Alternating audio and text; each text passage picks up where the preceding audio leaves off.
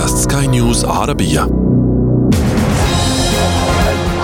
المحفظة المحفظة أهلا بكم. ربما أكثر كلمة نسمعها هذه الأيام التضخم، حتى عند شراء أي سلعة فجأة نرى أن سعرها ارتفع. نسأل البائع: أوف ما سبب هذا الارتفاع؟ فيقول لنا ببساطة هناك تضخم، كل شيء ارتفع سعره. وعند سماع نشرات الأخبار نرى أن القسم الاقتصادي أصبح يأخذ حيزا أكبر من أي وقت مضى. مثلا كلمات ترد في كل نشرة اقتصادية خوف من حدوث ركود.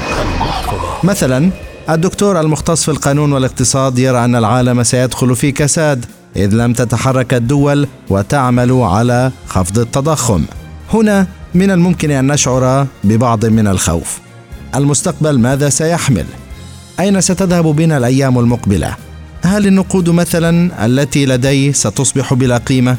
كيف أرتب أولويات؟ كل هذه الأفكار وغيرها سترد إلى أذهاننا عندما يتعلق الخبر بالمال الذي يعادل الروح كما يقولون.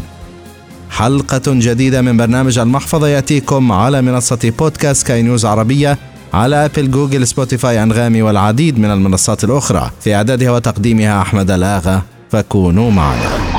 الجميع أصبح هذه الأيام يحاول أن يجاري ارتفاع الأسعار. يرى أن المبالغ التي ننفقها على نفس الاحتياجات أصبحت أكثر بكثير وببساطة هنا يكمن تعريف التضخم. أول شيء إذا بدنا نميز اقتصاديا بين هالثلاث مفاهيم اللي هي التضخم والكساد والركود بنلاقي إنه كلهم بنهاية المطاف مرتبطين ب حالة اضطرابية اقتصادية وحدة. كل وحدة منهم بتشتغل على فترة زمنية معينة وإلى أسبابها ومؤشراتها لكن بالشكل العام بتأدي لنتيجة وحدة وهو تباطؤ بالنمو الاقتصادي. إذا بدنا نفوت تفصيليا بتفسير هذه المفاهيم التضخم هو حالة أو مفهوم اقتصادي بدل بشكل مباشر على زيادة بمستوى أسعار السلع الاستهلاكية أو الغذائية وأي أنواع من السلع المتواجدة بالسوق. تعكس هذه الارتفاعات بالأسعار بشكل أساسي. بتكون مؤشر أن العملة بأي اقتصاد بيصيبه حالة من التضخم حيصير عنده فقدان للقوة الشرائية لعملته الوطنية. هدى علاء الدين الصحفية المختصة بالشأن الاقتصادي. ترى أن أغلب الدول في العالم تعاني من التضخم الذي لا يحدث بالصدفة. أسباب التضخم تختلف عن أسباب الركود الاقتصادي. فينا نختصر أسباب التضخم بثلاث عناوين أساسية. الطلب المتزايد على السلع والخدمات بيصير الاقتصاد المحلي غير قادر على تلبية احتياجات المواطن. تضخم بارتفاع تكلفة هذه السلعة. cost لها بيصير أكبر من سعرها الحقيقي. هذا هيدي التكلفة بتدخل فيها تكلفة الأجور اليد العاملة المواد الخام يلي بت بتفوت بتصنيع هيدي السلعة. وكمان بيكون في عنا excess بال money supply أو زيادة العرض النقدي بشكل أسرع من معدل الإنتاج الاقتصادي. الكساد مصطلح اقتصادي نسمعه كثيرا والمختصون يبسطونه بطريقة. ونحن بطبيعة الحال لا نريد أن يحصل. حالة من الاضطراب المالي اللي بتصيب دولة ما وغالبا بتكون نتيجة تباطؤ أو تدهور بالنشاط الاقتصادي بيصير في عنا negative signs لمعدلات الناتج المحلي الإجمالي للبلد. وبيؤدي إنه الناتج المحلي الإجمالي بينخفض بشكل كتير كبير وبيستمر لعدة سنوات. الركود والكساد في أغلب الأحيان يكونان مترافقين في سياق الجمل. الصحفية المختصة بالشأن الاقتصادي اختصرت الفرق بينهما بالعامل الأهم وهو الزمن. أما بالنسبة للركود هو مصطلح يستخدم لما يكون الاقتصاد بحالة ركود يعني بيتوقف عن النمو بشكل نهائي وببلش بالانكماش على فترة ست أشهر متتالية. الفرق بين الركود والكساد أن الركود يعد جزء طبيعي من ال business cycle أو ال economic cycle يلي بتصير خلال أول ربعين أو ثاني أو ثالث ربع من السنة. بس الكساد هو على مدى أطول. يعني بيصير في عندك انخفاض حاد بالنشاط الاقتصادي يمكن يستمر لسنة اثنين ثلاثة. الاستثمار في الذهب، العقار، السندات والأسهم قد لا يحمي نقودك جميعها، فمن الممكن أن تنخفض أسعارها، لكن ما يميزها أنها تبقى ملاذا آمنا، فأموالك كلها لن تذهب سدى.